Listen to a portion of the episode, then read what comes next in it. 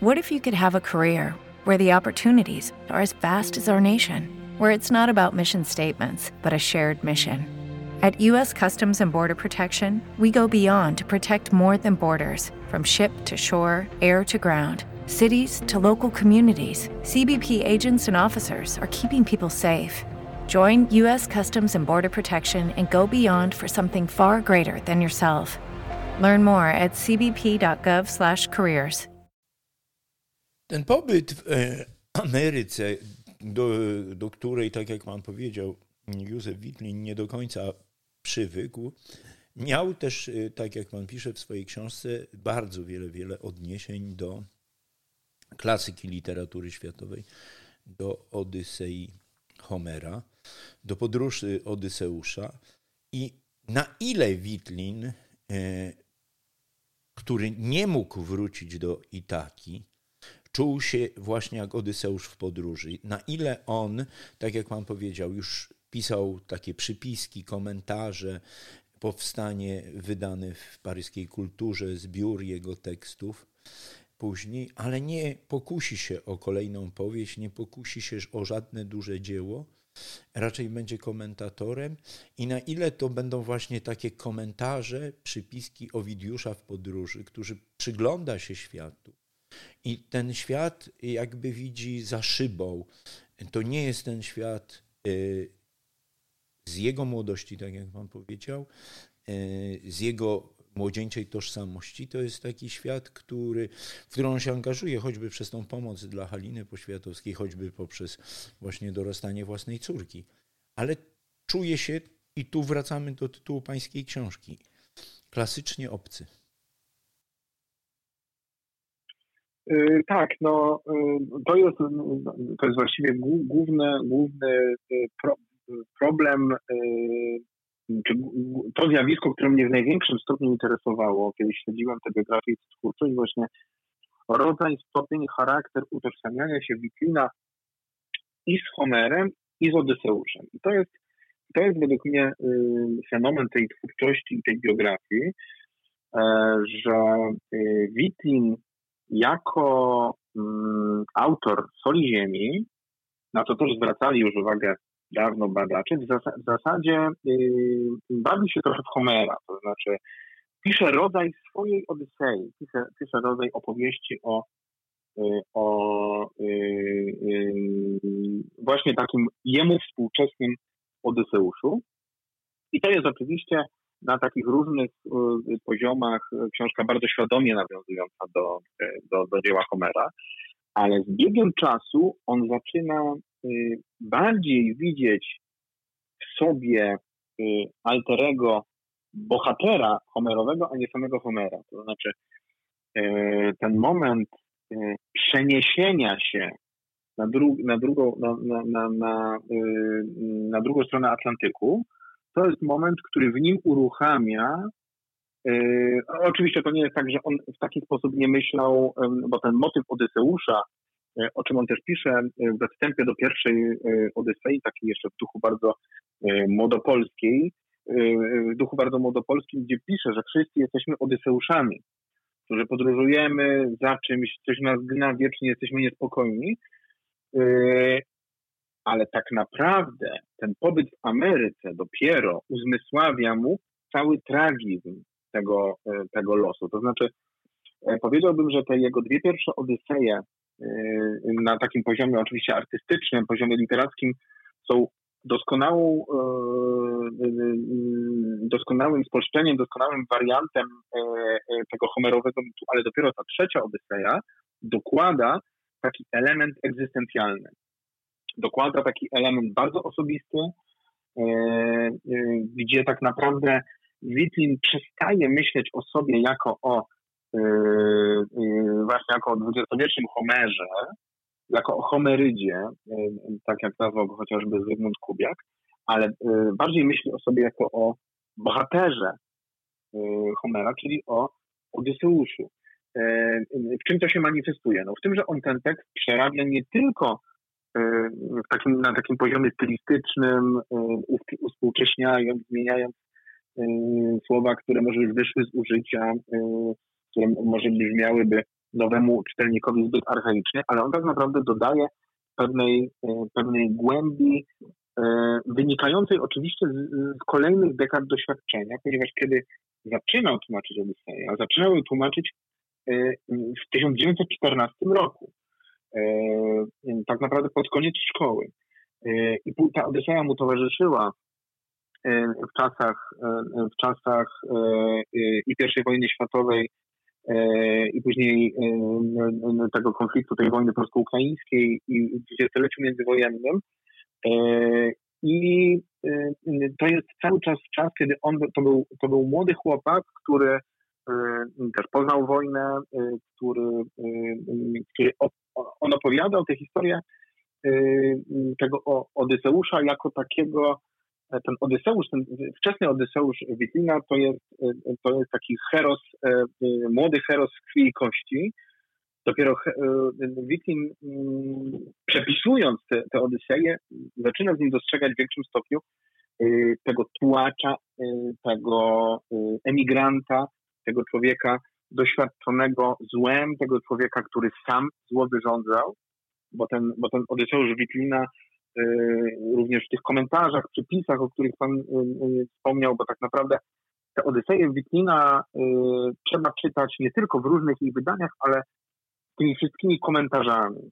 Tym, co on pisał w listach o tych, o tych swoich podejściach do Odysei, w swoich szkicach o Odysei, poprzedzających te, to, to, to, ten akt.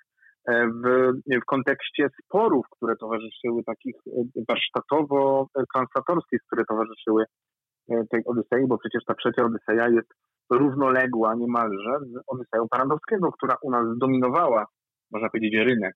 A wcześniej, przed wojną, Parandowski był wielkim rzecznikiem tych przekładów Witlina. I, I tu jest wiele aspektów, które każą ten przekład widzieć nie jako po prostu mm, wyabstrahowany z twórczości kawałek, tylko jako integralną część całego dzieła, które my czytając musimy cały czas mieć y, na podorędziu te różne konteksty, te różne konteksty, gdzie on wyjaśnia, gdzie on doprecyzowuje, gdzie on wspomina, czasami jednym zdaniem, czasami jedną frazą, y, y, czasami jest jakieś kluczowe słowo, gdzie pokazuje, jak te dekady wojenne, a potem dekady wygnania wpływają na, też na, na zmianę perspektywy.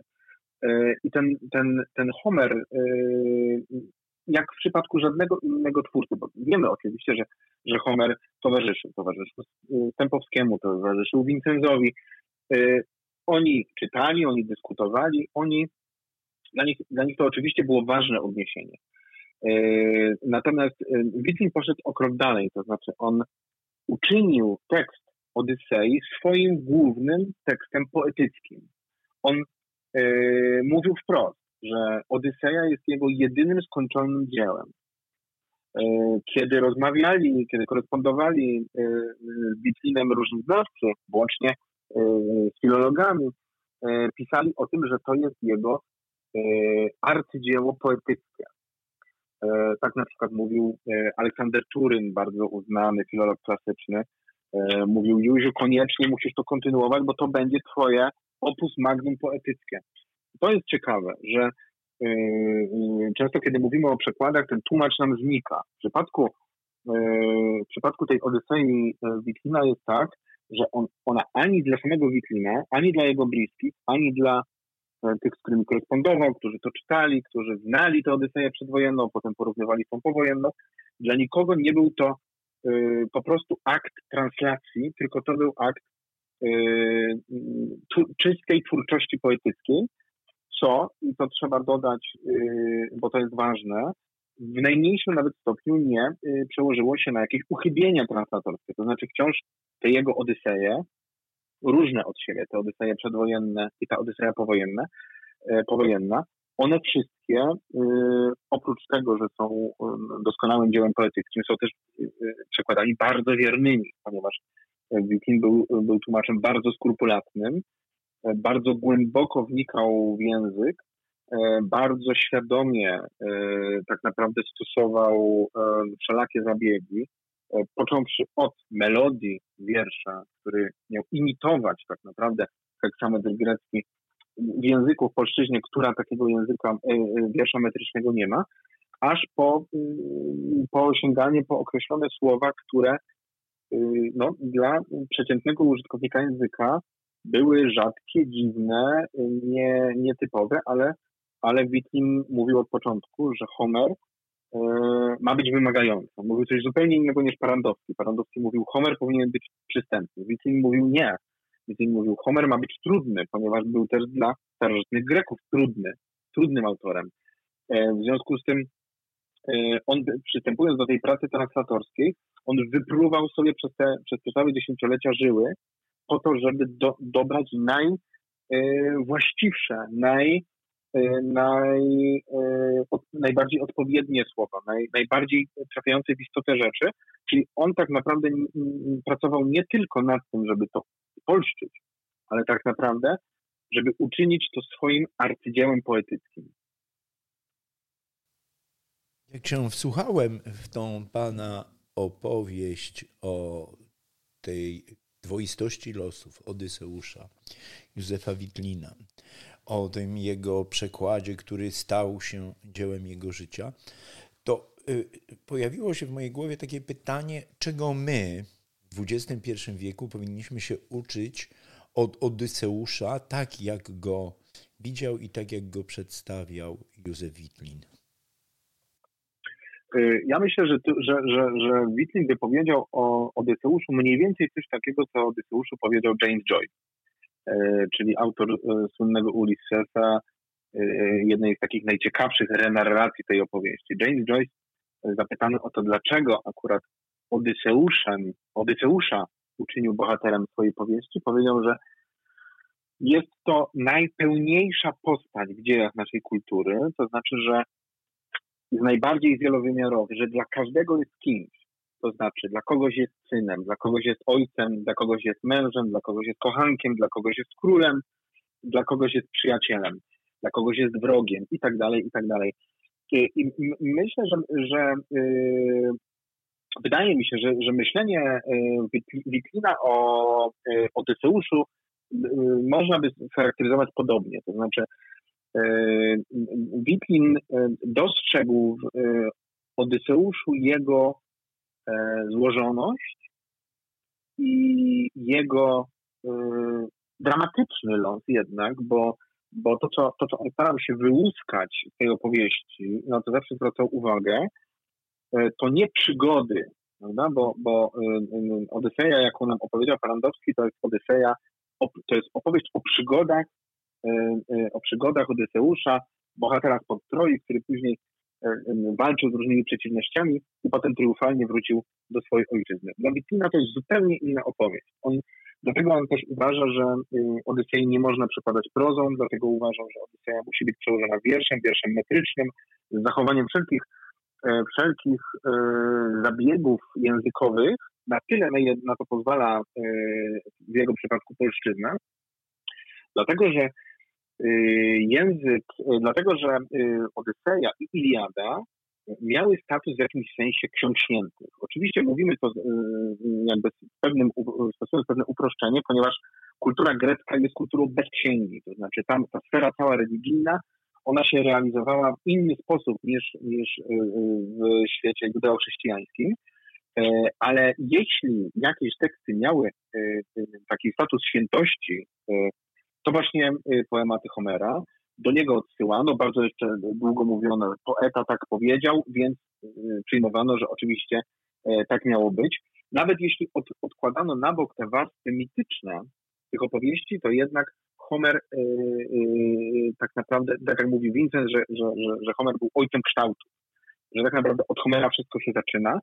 Yy, I opowieść, tak jak ją odczytał o Odyseuszu w wersji, opowieść w wersji Homera, to jest opowieść o bardzo uniwersalna opowieść o człowieku. E, I to jest coś, co e, dzięki, dzięki, dzięki Witlinowi nam na szczęście nie znika, a wręcz przeciwnie, wręcz wychodzi na pierwszy plan. I ja na to też chciałem w mojej książce zwracać uwagę, że gdyby to była po prostu opowieść awanturnicza o greckim, greckim podróżniku, Wiking by się nie zainteresował. Wiking się zainteresował Odyseją, dlatego że uważał, że jest to postać najpełniejsza. Postać, która przeżyła wszystko to, co przeżywa człowiek w swoim życiu. Człowiek, który zaznał wojny, człowiek, który zaznał pokoju, człowiek, który tęsknił, człowiek, za którym tęskniono, człowiek, który, któremu zadawano ból i który, e, który sam zadawał ból. To jest postać głęboko tragiczna e, i e, niewątpliwie dlatego Witlin związał swoje losy, związał swoje losy z tym poematem, a nie na przykład z Iliadą, która też mu była bliska, też ją znał, ale Iliada ma zupełnie inny charakter. Iliada jest takim klasycznym oposem pokazującym, y, pokazującym panoramę. Natomiast Odyseja jest rodzajem przypisu do, y, do Iliady. Zresztą przypuszczają badacze, że y, tak naprawdę w czasach, w których powstawała Odyseja, powstało wiele innych podobnych eposów o, traktujących o bohaterach spod Troi, które były takimi właśnie sequelami do, do Iliady, ale y, no, czas chciał i, tak to zawsze, y, zawsze bywa, że mm, nie, nie, wszystkie dzieła y, przetrwały próbę czasu. Przetrwała próbę czasu ta, ta opowieść o Odyseuszu, jako niewątpliwie najdoskonalsza z tych, które, które znano, powtarzano sobie, a w końcu zaczęto je, zaczęto je spisywać. I, I, wydaje mi się, że, że to jest właśnie to. To znaczy w Odysei, czy w opowieści o Odyseuszu jest wszystko, co Witlin znał z własnego życia.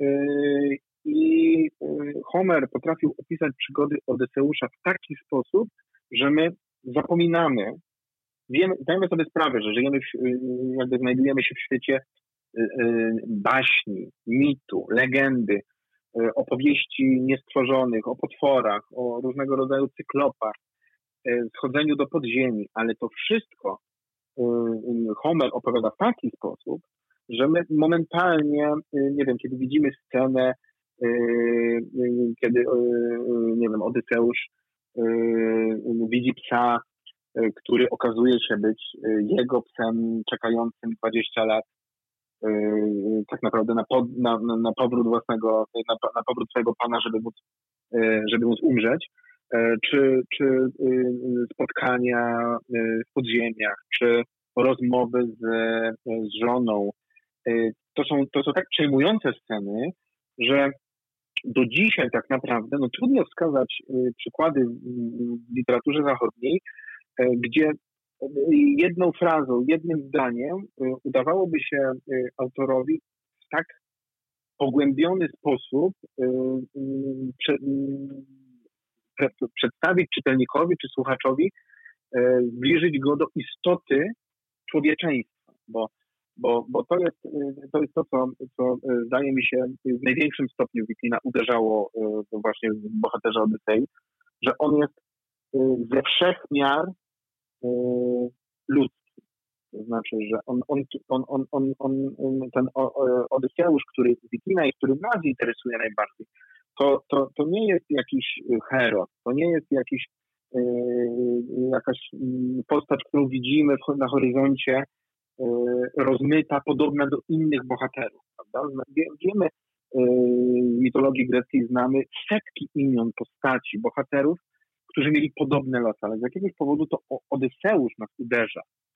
E, I, i, i, i takimi momentami w życiu, w których jest bardzo, bardzo ludzki, w których czuje się triumfatorem, ale momentami, w których czuje się E, przegrany, czuje się nieszczęśliwy, e, czuje, że zawinił, e, pragnie tylko i wyłącznie powrotu, jest spragniony, słaby. To są, to są wszystko uczucia, cała paleta uczuć, które Witlin i z teorii, ale też z praktyki, jako uczestnik wojny, jako, jako, jako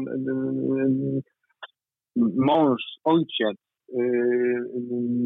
brat, syn e, tak naprawdę musiał prze, prze, przeżywać i widział też e, u innych. W tym sensie ta opowieść o Odyseuszu, ona jest z jednej strony opowieścią, która przywołuje echa wydarzeń historycznych, jakiejś wojny, jakiejś emigracji, E, bo to oczywiście, bo to jest oczywiście istotne, prawda, że jak sobie postawimy Iliadę i obok niej Odyseję, to tak naprawdę mamy losy e, e, dwudziestowiecznych bohaterów, prawda, losy tych, którzy walczyli i tych, którzy później musieli uciekać, żyli na emigracji, o ile, o ile wyszli cało z konfliktów, ale oprócz tego los Odyseusza jest też losem w takim najbardziej elementarnym znaczeniu, o czym pisał Witlin jeszcze przed wojną. To znaczy, to znaczy ten, ten wymiar y, militarno-emigracyjny silniejszy jest po wojnie. Natomiast kiedy wydawał tę Odyseję po raz pierwszy, zwracał uwagę na, na to, że każdy człowiek jest Odyseuszem. Że tak naprawdę my wszyscy, poszukując czegokolwiek w życiu, za czymś idąc, do czegoś dążąc, za, za czymś patrząc tęsknie, tracąc coś, E, tak naprawdę jesteśmy wszyscy Odyseuszami, więc, więc w tym sensie no, trudno sobie wyobrazić postać pełniejszą i ciekawszą. Moje ostatnie pytanie wiąże się także z odniesieniem do takiego filozofa, który panu zapewne nie jest obcy. Alfred Whitehead kiedyś powiedział, że cała filozofia to zbiór przypisków do Platona. A czytając pana książkę i to, co w Ameryce Józef Witlin właśnie mówi o Odyseuszu, można powiedzieć, że cała literatura to y, zbiór przypisków do Odysei, do Odyseusza. Czy ta sugestia była na tyle silna w życiu Witlina w Ameryce, że on świadom tego, że właśnie tak jak pan użył w swojej wypowiedzi, będzie teraz pisał przypisy, komentarze, bo to właściwie co najważniejsze zostało napisane i kiedy on przez te okna ogląda ten wielki świat Ameryki, okolic Nowego Jorku, to jest jak Odyseusz, który ma świadomość początku i końca, nie ma świadomość tajemnicy związanej z życiem, że nie wszystko może zostać wyjaśnione, a tak wiele rzeczy zależy od przypadku, że może to wielkie dzieło właśnie to nie będzie powieść, tylko to będzie ciągłe przypominanie o Odyseuszu. No, no, bardzo pięknie i mądrze powiedziane i tak naprawdę trudno coś dodać. Zdecydowanie się zgadzam. I z tą tezą, że e, tak naprawdę e, cała literatura w tym sensie e, to jest wariacja na temat Odysei. Tak naprawdę